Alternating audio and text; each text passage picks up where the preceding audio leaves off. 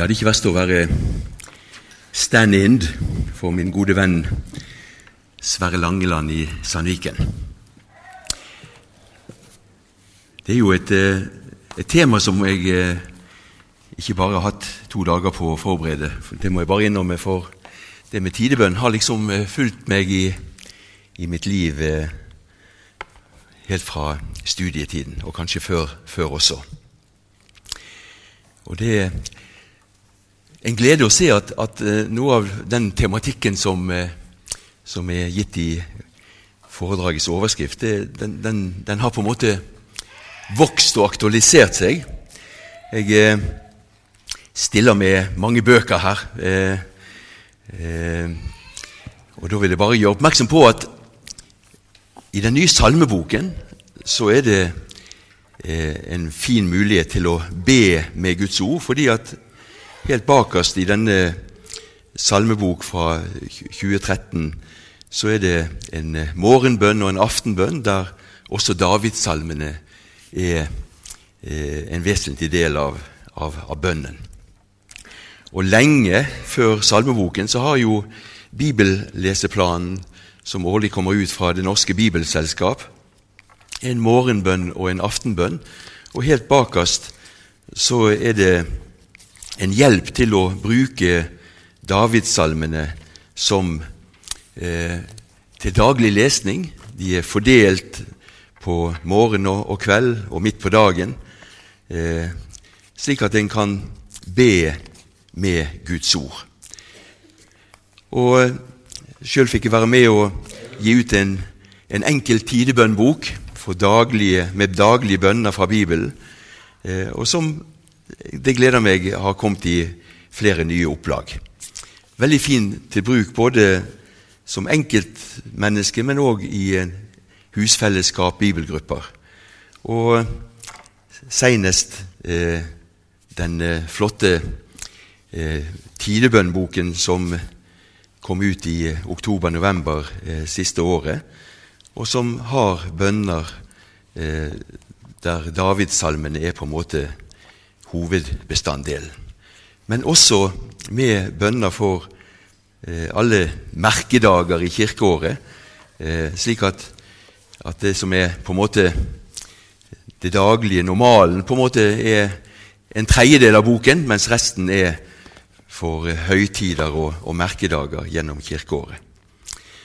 Og jeg nesten fristet at jeg kunne, om jeg ikke hadde et eget manus, så kunne jeg lest forordet til denne boken, for det, det er veldig fint, en veldig fin innledning egentlig til, til, til temaet. Jeg våger meg å, å lese noen linjer fra forordet. Mitt hus skal kalles et bønnens hus, sa Jesus. Han siktet til tempelet i Jerusalem, men også til den enkelte troende. For liksom tempelet skulle være et bønnens hus, skal også våre kropper være et tempel for Gud, og dette tempel skal være et bønnens hus. Bønnen er troen sitt åndedrett, skrev Ole Hallesby i sin bok Fra bønnens verden.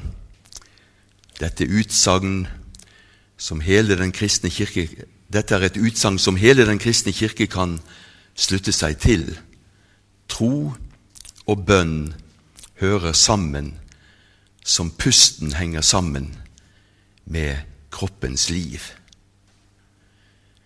Herre, lær oss å be, var disiplenes bønn til Jesus. Svaret de fikk, var Kirkens fremste bønn, Fader vår, også kalt Herrens bønn. Jesus lærte sine apostler å be faste bønner, bønner som gir oss ord bønner som gir, gjør oss i stand til å be sammen med alle de troende som én kropp med én røst. Da skjønner vi at dette huset av levende steiner, Herrens tempel, er et bønnens hus. Bønnen forener oss når vi samtidig ber. Derfor er det sant at bønnens lov er troens lov i Kristi kirke. Der er han enda to-tre sider i dette lange, fine forordet. Men da tror jeg jeg går over til det som står på, på mine ark. Jesus fikk, som alle jødiske barn, lære seg sitt folks bønner utenat. Husk at eh, i Jesu samtid, i den tid han vokste opp her på jorden, så var det en helt annen kultur for å lære utenat. Eh, en eh, ung skulle kunne store deler av eh, Det gamle testamentet utenat. I hvert fall var salmene en veldig viktig del av det som ble innlært. Det som de kunne utenat, og som de sier på engelsk 'by heart'. Jeg syns det er et sånt flott og vakkert uttrykk. Å kunne det by heart. Det kommer av hjertet. De skulle kunne Davidssalmene for alle livets omskiftelser. Finne ord å tale til Gud med. Og Allerede ved flyktig gjennomgang og lesning av Davidssalmene merker vi hvor ulike de forskjellige salmene ofte var. Det finnes der ord for den dypeste fortvilelse og ensomhet, for det mer hverdagslige, rutinepregede livet, for den høyeste glede og for den fineste lykkeopplevelse en har. Og det finnes synsbekjennelser, takksigelser, forbønner, tilbedelse.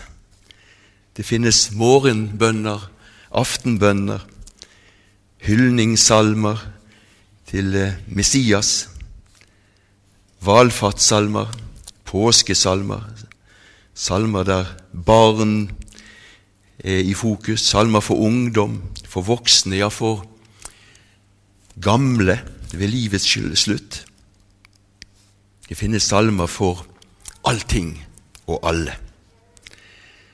Når jødene lærte sine barn salmene, så ga de virkelig et ordforråd som dekket alle livets omskiftelser. Ikke bare en barnlig, enkel aftenbønn som kanskje vi er vokst opp med, og som vi lærer våre barnebarn.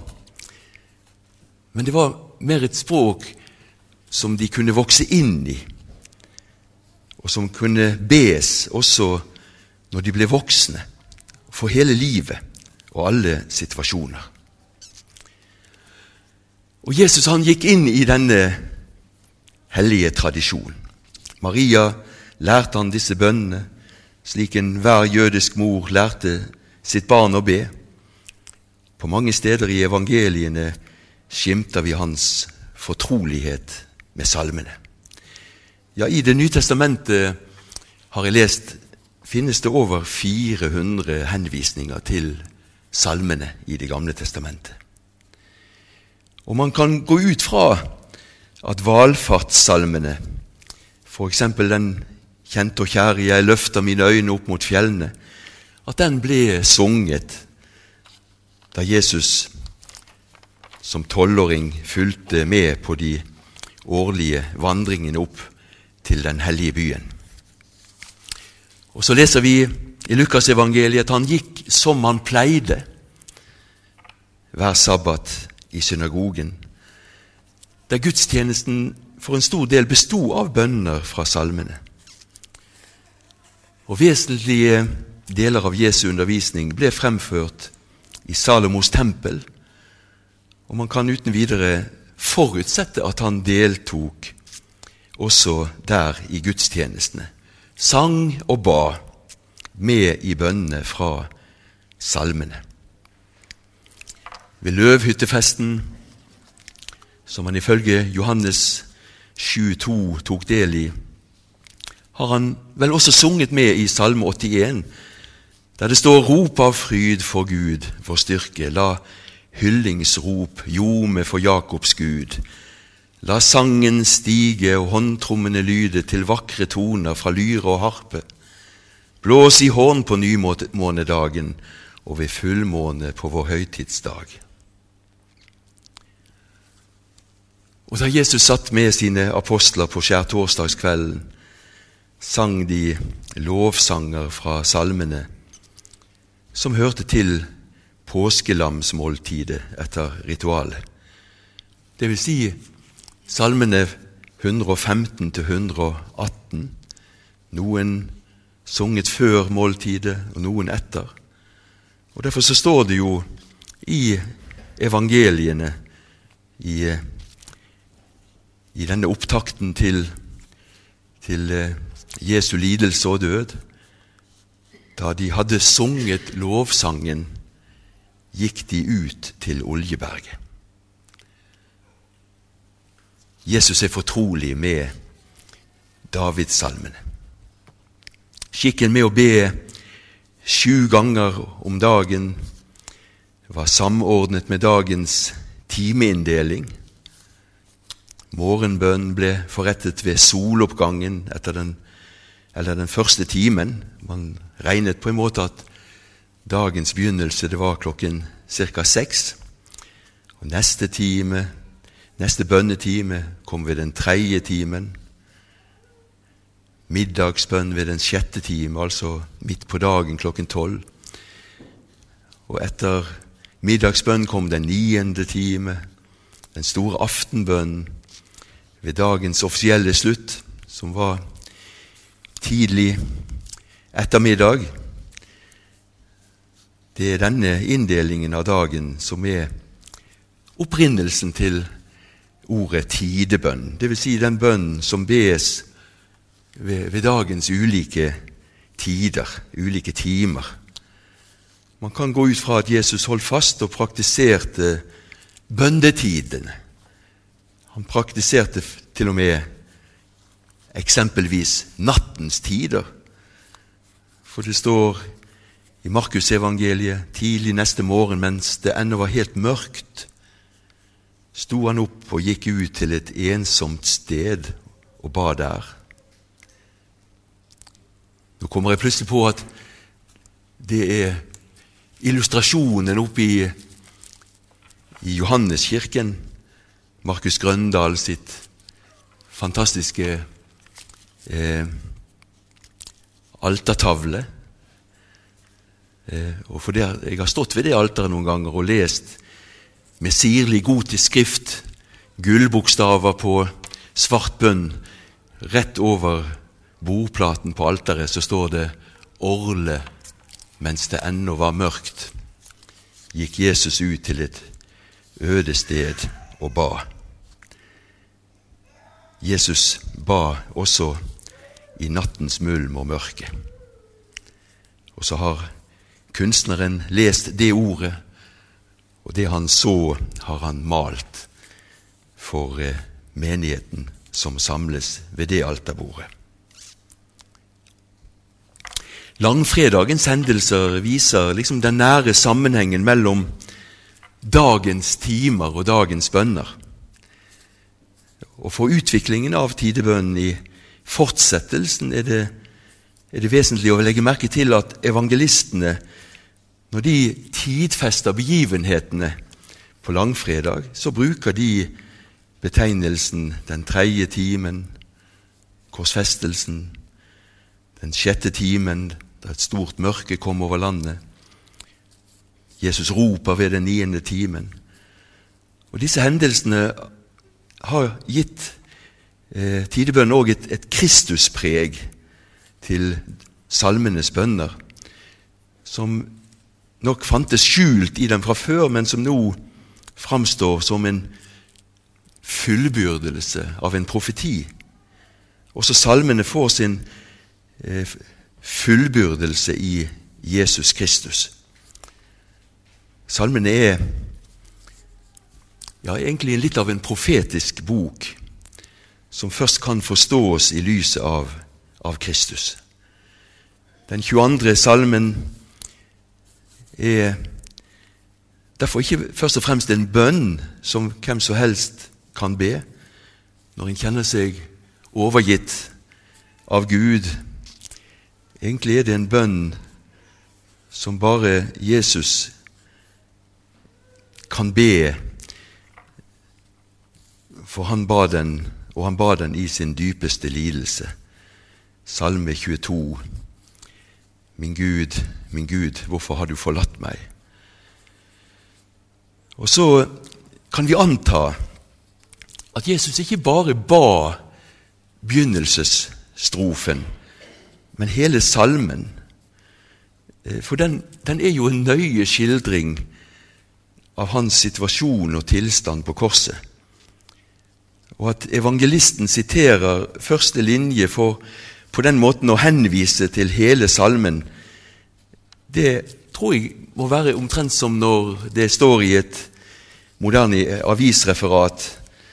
Eh, hvis man da forteller at så sang man 'Vår Gud er så fast en borg', så mener man selvfølgelig at man sang hele salmen, og ikke bare begynnelsesstrofen.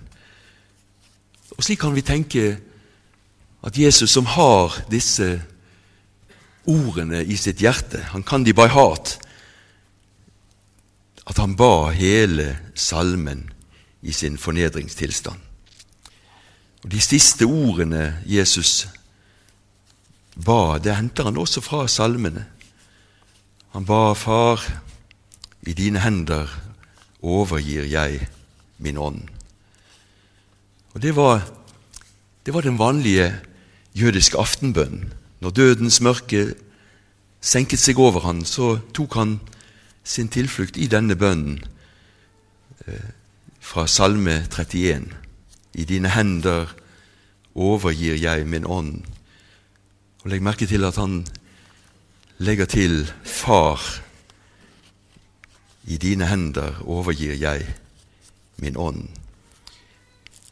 Og Derfor er det også så naturlig at, at denne bønnen har fått sin gitte plass i, i eh, Kirkens aftenbønn, i kompletoriet, aftenbønnen som vi også ba i går, der vi òg ba disse ordene. Natten vil alltid være et bilde liksom på, på døden.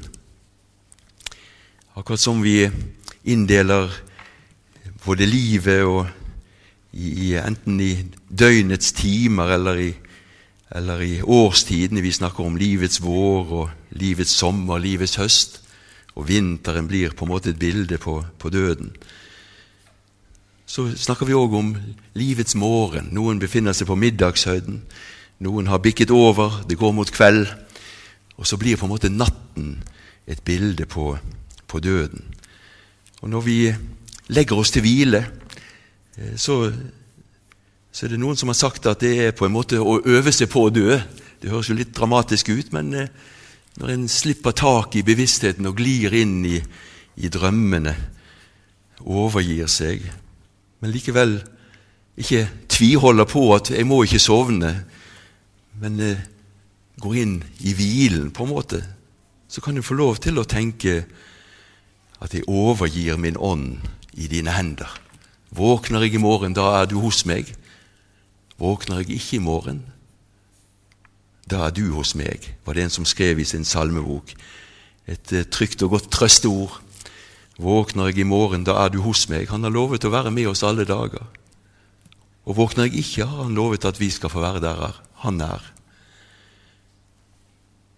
I dine hender overgir jeg min ånd. Apostlene de fortsatte etter Jesu oppstandelse og himmelfart å be salmene, slik de hadde gjort tidligere. De var jo oppdratt til å elske og bruke denne boken som sitt hjertespråk til Gud. Og det fins ingenting i Kristi åpenbaring som på noen måte hindret eller forbød de første disiplene, apostlene, til å fortsette med det. Tvert imot så hadde de i Kristus funnet salmenes Messias, profetienes fullbyrdelse. Det var om han Salme 118, 26 handlet. Velsignet være Han som kommer i Herrens navn. Ja, vi legger merke til ordene. De lyder òg hver gang vi dekker Herrens bord. Velsignet være Han som kommer i Herrens navn. Ordene som også møtte Jesus på inntoget i Jerusalem på palmesøndag. Og når, han befant seg i Salomos tempel, da var det at Salme 11,4 gikk i oppfyllelse. Herren er i sitt hellige tempel. Det var hans lidelse som ble beskrevet altså i den 22. salmen. Og det var hans tilblivelse som menneske som ble tegnet i den 45. salmen. Du er den fagreste blant mennesker. Det var hans himmelfart man jublet over i den 47. salmen. Gud dro opp mens jubelrop ljomet. Herren kom mens hornene klang. Derfor besøkte de første disiplene tidebønnene i tempelet, også som gode kristne. Offergudstjenestene besøkte de ikke, for den gamle pakts offer pekte fram mot Kristi offer og hadde der funnet sin fullbyrdelse. Ja, det var derfor forhenget i tempelet hadde revnet ved Kristi død, som et tegn på at nå var offerkulten slutt. Ja, derfor henger det i de gamle middelalderkirkene alltid et, et krusifiks over kordøren.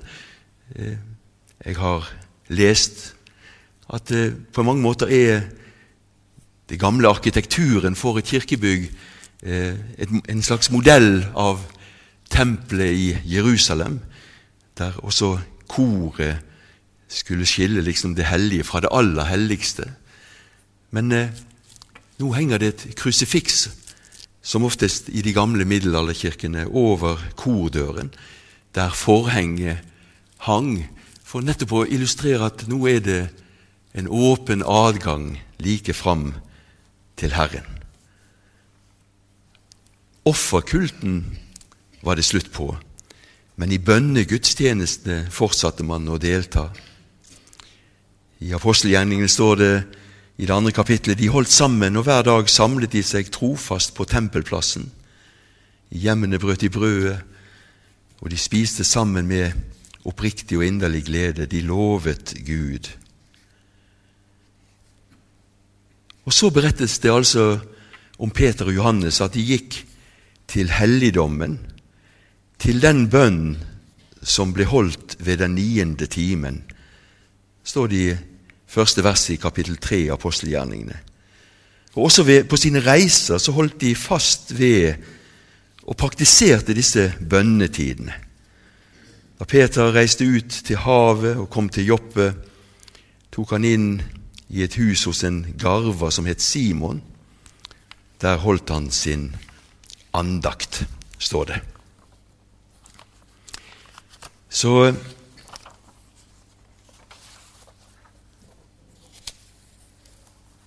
Derfor, hvis temaet vårt er å be som, eh, som Kristus,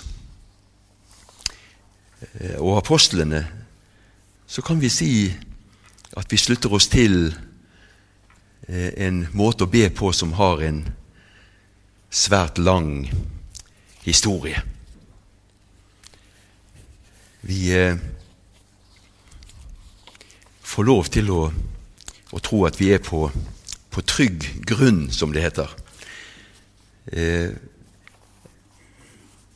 Jeg må jo si at jeg, jeg, har vært prest ulike steder, og for meg er det veldig forunderlig at eh, det å jeg, bare be med egne ord skal liksom være opphøyet til en, en eh, hva skal vi si, en frommere måte å, å, be på enn å søke tilflukt i, i disse slitesterke ordene som som også Jesus sjøl og apostlene eh, fant som sitt språk når de trådte fram for Guds ansikt. Eh, det er en underlig eh, måte å definere noe som, som frommere enn noe annet. Vi skal være trygge på at når vi ber med salmene, så, så ber vi med Guds ord.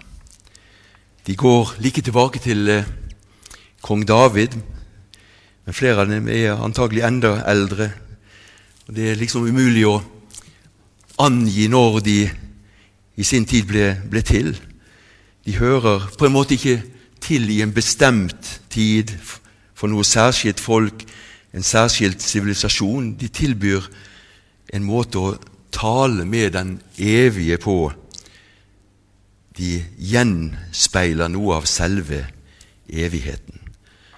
Og Hvis eh, apostelen sier at den hele Skrift er innblåst, innblåst av Den hellige ånd, så må vi ikke ringakte det å gjøre disse ord til våre egne.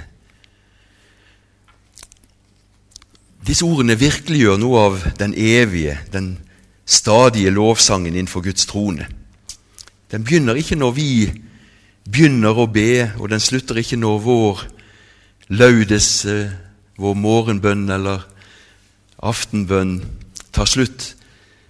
Men det er i stedet slik at vi gjennom våre korte bønnetider slutter oss til hele denne verdensvide kirkens og hele den himmelske herskares stadige bønn innenfor Gud. Derfor, om vi ber Davidssalmen alene, så er vi aldri alene.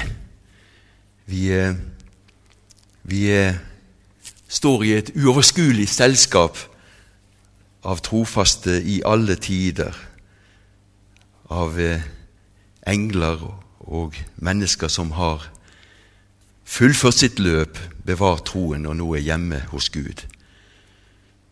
Og Det er derfor vi ikke alltid trenger å finne på egne og nye ord når vi vil be til Gud. Ordene fins der allerede, bønnen pågår allerede, bønnen ligger der ferdig formulert og venter på å få leve også i mitt hjerte og på mine lepper den åndelige vilkårlighet og tørke som ikke så sjelden inntreffer når man vil be. Ja, selv Jesu disipler visste ikke hva de skulle be om. Det at vi ikke vet hva vi skal be om, trenger ikke å hindre oss i å be. Jesus ga oss en mønsterbønn som vi kan få lov til å utvide i alle retninger for hvert tema som nevnes i Herrens bønn. Men også tidebønnen åpner opp sin favn. Den åpner på en måte en port inn til den himmelske lovsangen, og jeg kan få fly inn i dette store koret og synge med dem, be med dem og leve med dem. Og Det å stadig omgås Gud på denne måten i hans nærhet setter alltid spor i et menneskes liv. Er det åpent for Gud, blir tidebønnen ikke bare en stund med stillhet og fred, den blir også en del av vår oppdragelse, slik at vi kommer til å bli helliget av å være i Guds nærhet. Ja, man preges alltid av sitt selskap på godt og ondt, og å omgås den gode helliger også et menneskes større gudslikhet. Vi er jo skapt i Guds bilde. Men det er altså ikke en plikt, det er ikke, det er ikke en lov, at jeg må be disse tidebønnene. Men det er en frihet som tilbys oss å tre inn i En glede som åpnes for oss, et fellesskap som jeg inviteres til å dele. Og Dette fellesskapet inneslutter også Den hellige ånd og Jesus sjøl. Det, det var ikke en tilfeldighet at Jesus ble født som jøde og i sitt jordlivs dager stadig ba salmenes bønner. Gud gjør ingenting tankeløst. Det var en mening med at hans sønn ble en israelitt da han ble menneske, og at jomfru Maria lærte Davids sønn å be kong Davids salmer. Når de samme bønnene i dag tilbys meg, betyr det også at jeg får be slik som Jesus ba, og ennå i dag ber. Ja, Jesus sier i, i den ypperste prestelige bønnen 'Jeg ber for dem'. Jeg ber for dem. Jesus ber for menneskene. Og Hebreabrevets forfatter skriver at fordi han alltid lever og går i forbønn for dem. På samme måte går også Ånden i forbønn for oss med sukk som ikke kan uttrykkes i ord, står det i Romerbrevet. Det betyr at Den hellige ånd kan utsi de bønner som vi sjøl ikke kan finne ord for. Og det er en stor rikdom å vite i tider der vi kjenner oss trøtte og tomme. Jeg knytter meg til Ånden. Jeg overgir meg til Han, som er min talsmann hos Faderen Jesus Kristus. Det kommer ikke først og fremst på min tankes skarphet, min psykiske samling og konsentrasjon, at det er min veltalenhet som også skal bli min bønn.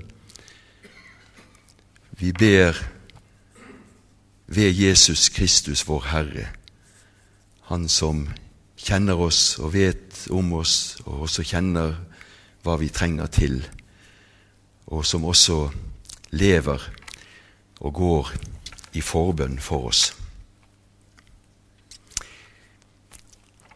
La meg avslutte med eh, en, eh, en, litt fornøyelig historie som det går an å til og med smile av og kanskje le, hvis jeg er heldig med framføringen.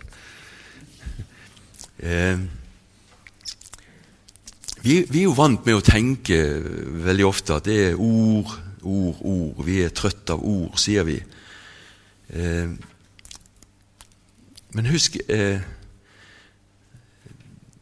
Det er noe av dette med at det er bærekraftige ord, hellige ord. Det, det er ord som det er knyttet løfter til.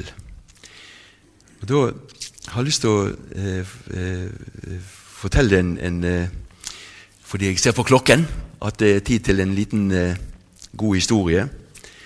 Det var på 90-tallet, eller slutten av 80-tallet. Da, da, fikk jeg være med på en, en studiereise til, eh, til, øya Patmos i Egeahavet, som vi husker der eh, Johannes fikk sin åpenbaring. Eh, det står jo egentlig i eh, Vi kaller det boken for Johannes' åpenbaring, men det står jo i innledningsordene at dette er Jesu Kristi åpenbaring til Johannes. Så hvis vi tror på denne åpenbaring, så er òg det som står skrevet der, egentlig Jesu ord. De er uttalt til eh, Johannes, men han fikk beskjed om å skrive det ned, og de har nådd oss. Men denne studiereisen til øya Patmos så hadde vi med oss da eh, en lærd professor, eh, Egil A. som han skulle forelese om, eh, om forholdet mellom Johannesevangeliet og Johannes' åpenbaring. Og vi, vi fikk nå beskjed om å, å, møte opp til den første forelesningen da, etter å, å skulle ha lest første kapittelet i Johannes' åpenbaring. Men eh, seint på 80-tallet 80-90 der, så, så, var ikke, så, var ikke, det så veldig utbredt med, med, med visakort og, og bankkort eh, og terminaler alle steder. Eh, så Før vi hadde reist av gårde, da, så hadde vi fått beskjed om at vi må, de som ville kjøpe med seg noe litt dyrt og av, av verdi, måtte ta med seg hundrelapper. Så for, for, de var enkle og greie å veksle. Og, og når vi ankom da, så ble vi kjørt til et lite familiedrevet hotell. Eh, og, og, der sto det en brunbarket greker i hvit eh, T-skjorte, husker jeg. Eh, skjegg og virkelig en røslig kar. Og tok imot oss og delte ut nøkler. Og han som sto foran meg i køen da vi sto linet opp der, han, eh, han spurte Do you have a safe? Så viste han frem en, en bunke med en god bunke med hundrelapper med strikk rundt. Og, eh, og han grekeren svarte 'Yes, we have'. Og så så vi at eh, bunken med penger skiftet eh, hender. Og så til, eh, til eh, vår forbauselse så vi at han dro ut en liten treskuff under disken. Og så slapp han de ned, og så lukket han skuffen igjen sånn. Og så spurte min kollega er det safen. Og så svarte han i am the safe.